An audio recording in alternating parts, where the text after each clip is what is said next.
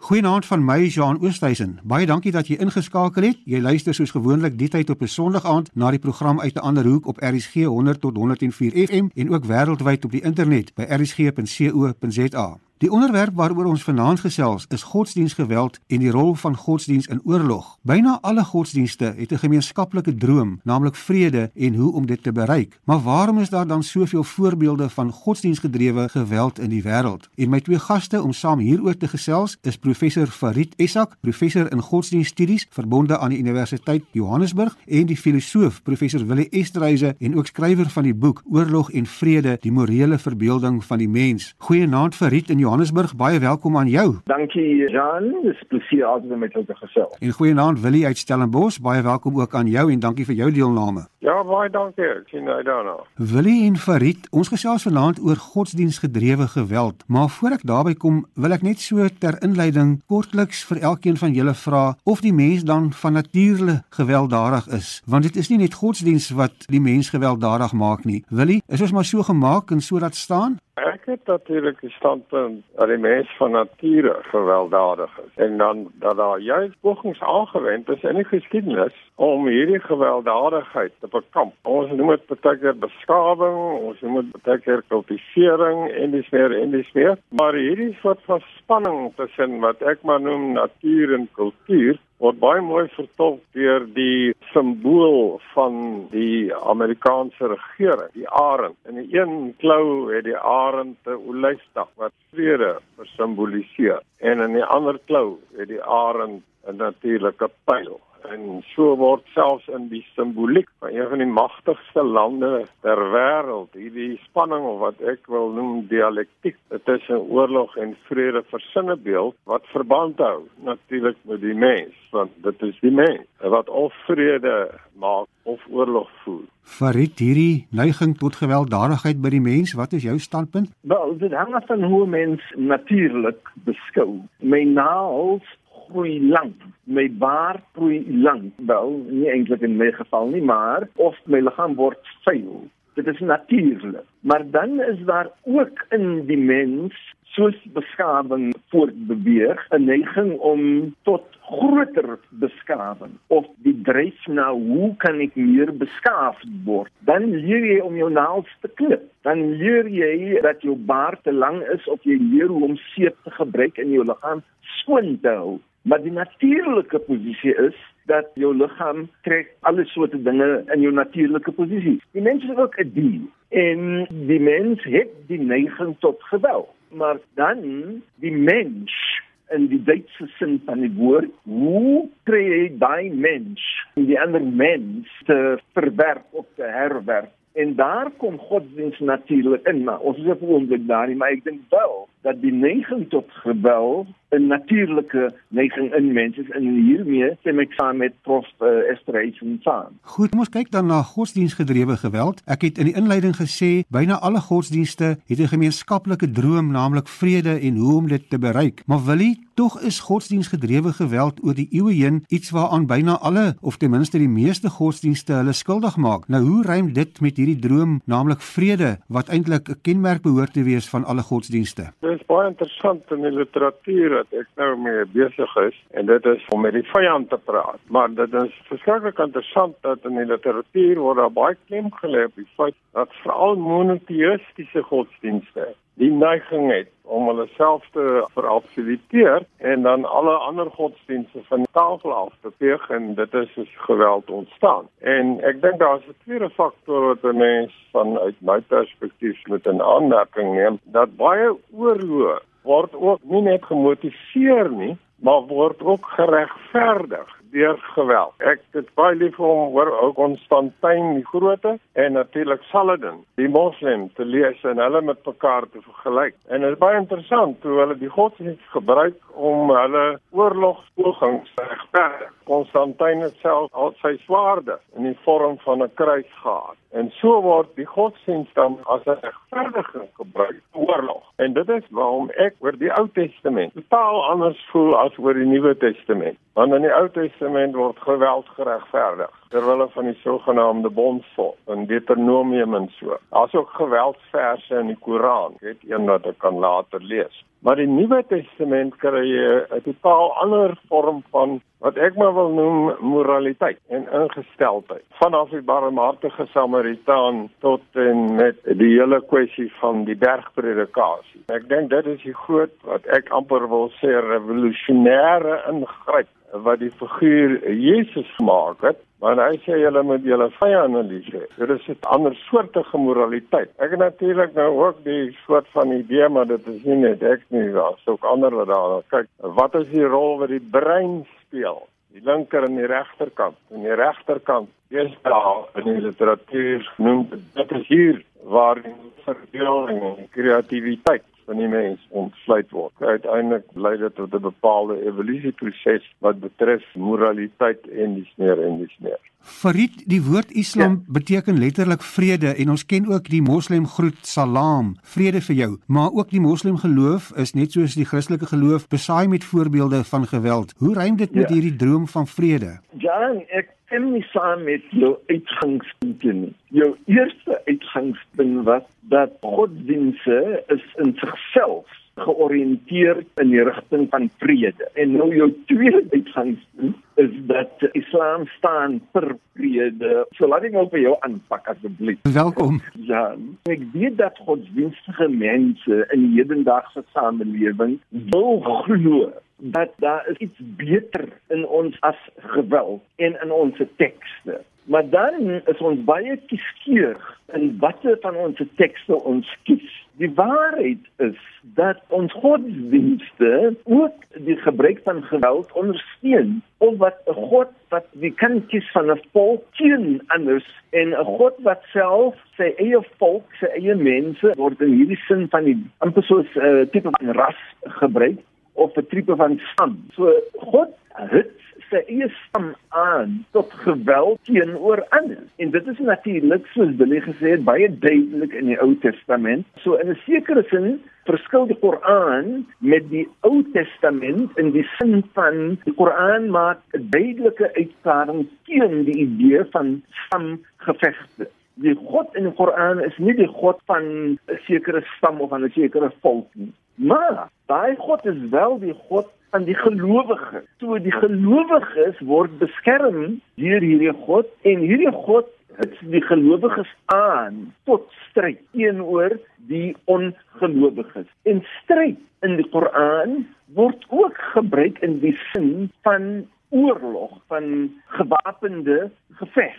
Dis eintlik 'n mite, 'n mit dat ons godsdienste in sigself net vrede aanspreek. Daar's natuurlik dan die kwessie van hoe jy jou tekste lees, hoe jy jou tradisie beskou, sien jy nou jou tradisie of jou tekste wat moet gelees word in die letterlike sin van die woord en watter kante van jou tekste wil jy nou gebruik vir watter doeleinde? Islam beteken om jouself oor te gee en dit beteken om jouself oor te gee aan die wil van God. Islam self beteken nie vrede nie. Die woord Islam. Dit is 'n hedendaagse apologetic wat gebruik word deur hedendaagse moslim om onsself 'n bietjie mooier te laat lyk in die wêreld. Maar dit is eintlik waar nie. Islam beteken nie jy oorgee aan die wil van God. Daar is wel 'n woord wat gebruik word in alledaagse moslim en wat ook verskyn in die Koran. En die Koran roep mense wallahu yad'u ila daris salam. En God roep jou na die land van vrede vrede word beaam in die Koran en die woord salam, Darussalam, die plek van vrede, die gelowiges en die ongelowiges word genooi na die plek van vrede toe. Moslims as hulle groet, as hulle assalamu alaykum, assalamu alaykum, vrede, mag vrede op jou rus. So dit is 'n droom van moslems, maar dit wil nie sê dat die droom beteken dat ons ongewillig is om te baklei, om te veg. Hier ons dink uh, ander mense is die vyand nie. Ek gaan terugkom daarna toe. Wil jy maar hierdie geweld in godsdiens is nie altyd net uh, geweld tussen gelowiges en ongelowiges nie. Daar's ook intragodsdienstige geweld onderling in die verskillende geloofsgroepe. In die Christelike tradisie byvoorbeeld tussen Katolieke en Protestante en so ook in die Moslem tradisie. So dit is ook 'n uh, interne partykeer hierdie waar hierdie geweld vandaan kom tussen mense wat dieselfde glo.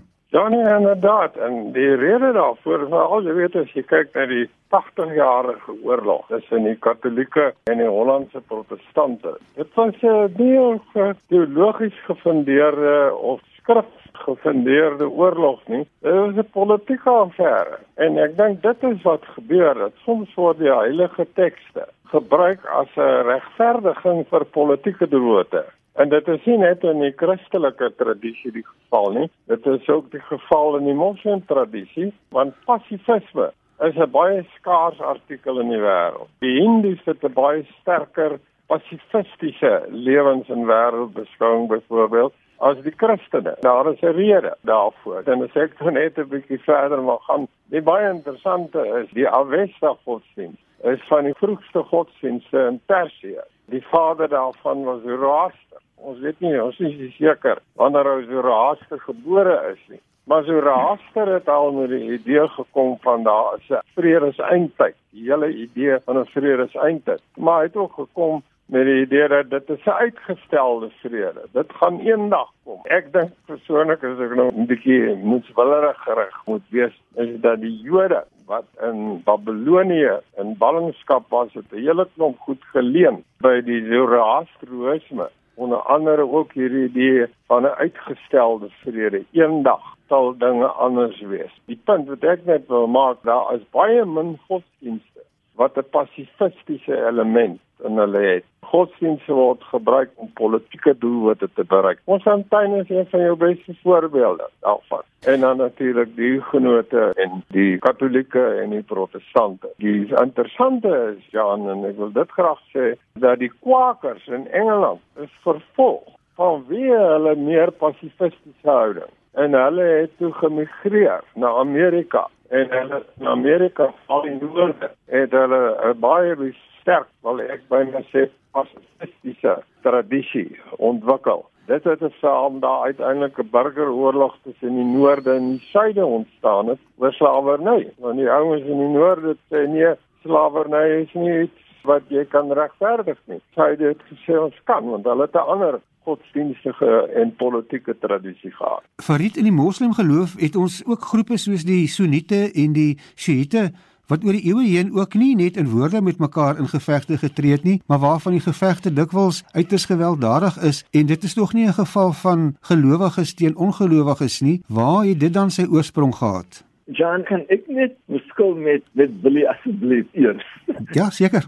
Julle idee Billy dat geweld meer van 'n uh, plek vind in die monoteïstiese tradisies. Dit is wel tot 'n sekere punt waar, maar dit natuurlik verhoed nie geweld in die naam van Hindoeïsme byvoorbeeld nie of in die naam van Boeddhisme. Vir lang tyd al in Hindoeïsme, die RSS byvoorbeeld, 'n oh ja, militante ja, nee. vorm van uh, Hindoeïsme. Ja, nee, is reg. En in uh, Sri Lanka word 'n vorm van Boeddhisme ja. ook gebruik vir wat hulle beskou as weerstand teen die Hindus in Sri Lanka. En dan ja. die interessante ding wat jy sê is omtrent die Quakers en sover my gaan dis natuurlik veel meer uh, geleer as my omtrent godsdienst as geheel. Ek is 'n Islamkunde. En hoe ver ek dit kan sien is die Jain geloof en die Quakers is die enigste twee gelowe waarvan ek bewus is wat in beginsel in hulle kern teen geweld is. Ek weet nie van ja. van enige ander godsdienst wat nie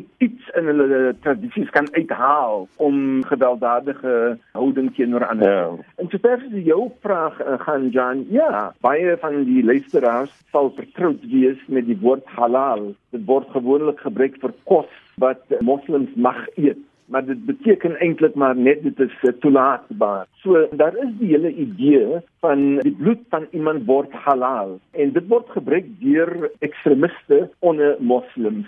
Um, as iemand byvoorbeeld wegdraai van die geloof of ander geloof wil aanpas. En hierdie tipe van ding word baie keer gebruik onder die moslems teen ander groepe wat self ook as moslim beskryf. Dan word daar gesê dat die Shiite is ons vyande of die groep is ons vyande of daai groep is ons vyande. Maar natuurlik soos ander tipe van geweld, dit is gekoppel aan 'n klomp ander faktore. Dit gaan oor landwenige keer, oor eiendom, dis lelik nie net nie net omdat dit inheems is nie of intern is nie maar ek dink alle vorms van geweld teenoor ander mense is lelik. Ekstremiste natuurlik, hulle sien nie eintlik enige blaaskans vir rasionele of morele gesprek nie. Dit is net ek is reg en jy is verkeerd en verkeerd beteken dat jy het nie 'n bestaansreg. As jy pas ingeskakel het, jy luister na die program uit 'n ander hoek. My gaste is die godsdienstdosent professor Farid Esak van Johannesburg en die Stellenbosch filosoof professor Willie Esterhuise. En ons gesels vanaand oor godsdienstgedrewe geweld in die verskillende godsdienste en die redes daarvoor. Farid, as ek so na jou geluister het in die eerste helfte en ook na Prof Willie, dan lyk dit vir my geweld is eintlik iets wat onderliggend is aan alle godsdienste en dat godsdienste as sodanig nie noodwendig so vredegedrewe is nie. Is ek reg dan Farid? Ek stem heeltemal daarmee saam. So die godsdienst is maar altyd 'n plek van mededinging en dit was tog maar altyd so. Dan hang dit nou af van hoe hierdie mededinging self uitspeel. Die probleem is dat ons sien godsdienst as 'n mooi voltooide pakket wat oopgemaak moet word deur ons, maar dit is eintlik so nie. Dit is nie duidelike bakens nie.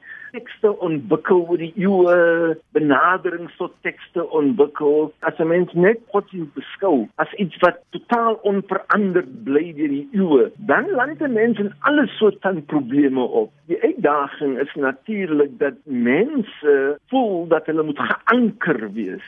En jy kan net geanker wees, meeste mense voel so aan iets wat jy glo is daar is 'n waarheid wat onwankelbaar is en die moeilikheid met die hele idee van godsdienst en geweld is dat ons beskou die godsdienst as iets wat onwankelbaar is. Maar dit uh, gaan ook maar onder die eeue veranderings uitdagings reformasies nuwe lesings van die tekste nuwe benaderings op 'n simplistiese manier kan mens sê. Dit is uh, gekoppel aan mekaar godsdienst en geweld. Kan mens ook self sê van die mens. Een probleem is dat van ons godsdienste verwag ons dat dit moet verhewe wees bo die menslikheid. Dat dit moet ons roep tot 'n ander nie ons dierlike self nie. En dit is 'n natuurlike kwessie of ons tekste en ons grondwet regtig dit doen of nie. As jy nou byvoorbeeld kyk na die Ou Testament, veral Deuteronomium, waar God nou sê,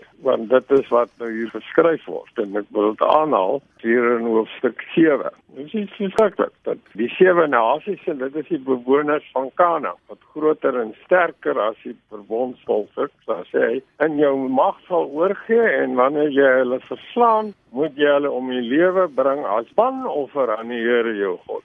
Jy mag hulle nie jammer kry nie en 'n verbond met hulle sluit nie. Jy mag nie met hulle ondertrou nie. Dit is nogal sterk taal en ek kan vergeet enkel oomblik dink dat dit nou goddelike uitspraak is. Dis mense wat die godsdiens gebruik as regverdiging vir wat die Engelse sê genocide. Want Kanaan was 'n bewoonde plek en hulle het daar ingetrek wat nou histories korrek is of nie. Maak nie saak nie, maar die verhaal wat hier vertel word, is nie die verhaal van die soort van God wat ek self betekenisvol vind nie. En dit is 'n gewelddadige God dan 'n klein groepie mense die reg gee om moord te pleeg en almal uit te roei. Dit is waarom ek so 'n belangstelling het in die Nuwe Testament en die barmhartige Samaritaan en ook in die bergpredikasie, want daar kry jy 'n akent op morele, maar 'n menslike morele, hoe jy teenoor jou naaste moet optree. Die idee van 'n God wat ergens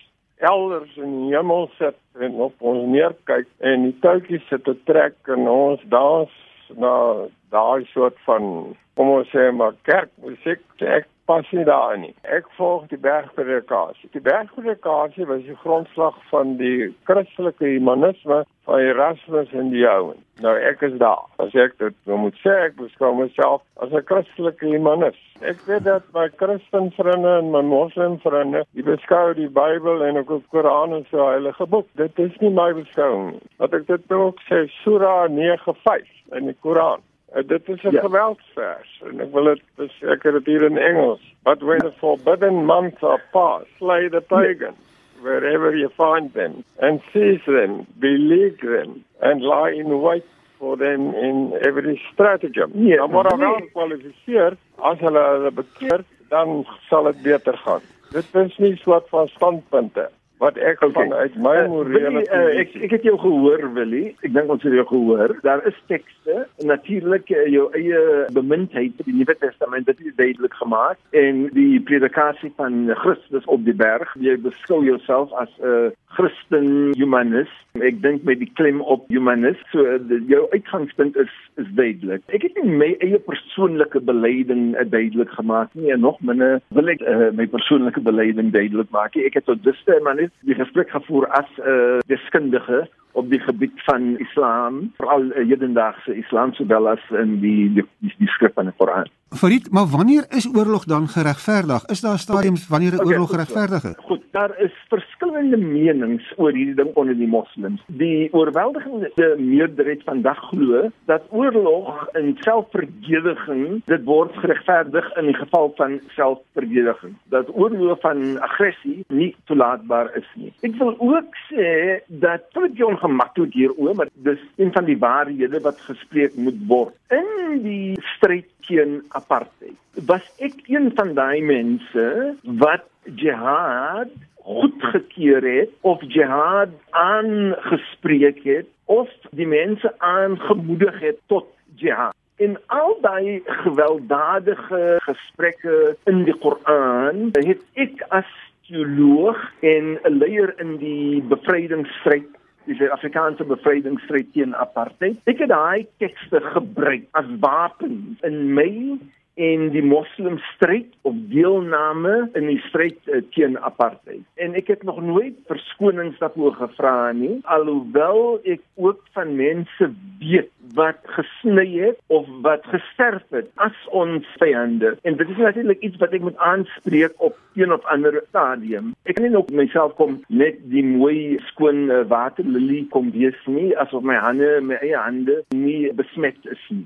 Was dit vir jou nodig geweest om dit te doen en sou jy dit weer so gedoen het vandag of sou jy dit anders gedoen het? Jan, dis 'n baie moeilike vraag. Ek is nou veel meer bewus dat die mens is nie 'n kraan wat jy aan en af kan draai nie. Ek spreek nou geweld goed aan want dit pas jou nou en dan môre en jy hit jou volgelinge aan tot geweld teenoor die ander en dan môre wil jy nou die kraan kom afdraai nie. Ek dink dat die geweld wat ons eie land oorweldig op die oomblik, het sê dit nou geweld is teen vroue of die geweld is teen boere of geweld is in ons uh, township menslewens is goedkoop in Suid-Afrika. En ek dink dit is nie net gekoppel aan die geweld van apartheid nie. Ek dink dit het ook te doen met die geweld van ons bevrydingsstryd teen apartheid. Nee, as ek nou daaroor dink, uh, dit sal veel meer kos as wat my gekos het daai om net die geweld van die geregverdigde geweld goed te spreek.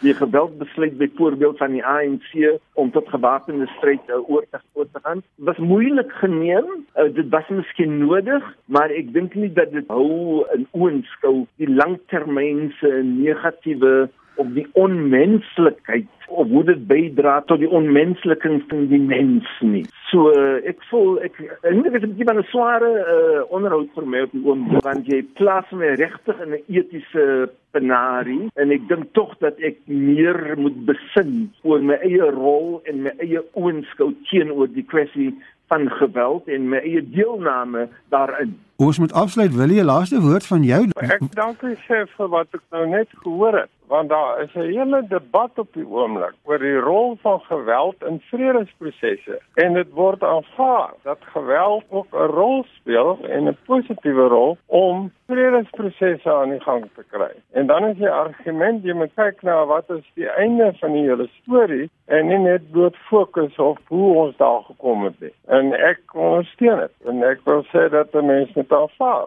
dat ons sou nie vandag gewees het waar ons was bloot net op grond van morele besluite nie. Ons moes ook taktiese en strategiese besluite neem. Ons kon nie so aangaan nie. En wat hulle in die literatuur noem 'n hurting stalemate is gewoonlik die punt van waar af vredesgesprekke uiteindelik plaasvind en om dan af te sluit met die woorde hele idee van talking to the enemy. Vind ek 'n baie belangrike morele idee wat nie net in die Nuwe Testament nie maar ook in die Koran en in ander heilige Christus sterk na vore kom. Ons sou nog baie lank hieroor kon gesels, maar ongelukkig is ons tyd verstreke en moet ons hierso haltroep. Baie baie dankie aan my twee gaste, professor Farid Esak, professor in godsdienststudies verbonde aan Universiteit Johannesburg en die Stellenbosch filosoof professor Willie Estreise en ook skrywer van die boek Oorlog en Vrede wat deur Naledi uitgegee word. Baie dankie vir julle deelname aan vanaand se gesprek waaroor ek dink ons op 'n later geleentheid verder moet gesels. Indien jy wil kommentaar lewer, kan jy vir ons 'n SMS stuur na 45889. Dit kos jou R1.50 vir elke SMS of jy kan saamgesels op ons Facebookblad uit 'n ander hoek. Al die programme in die reeks is ook as potgooi op RSG se webwerf beskikbaar. Van my, Jean Oosthuizen, totiens tot volgende week wanneer ons weer uit 'n ander hoek gesels.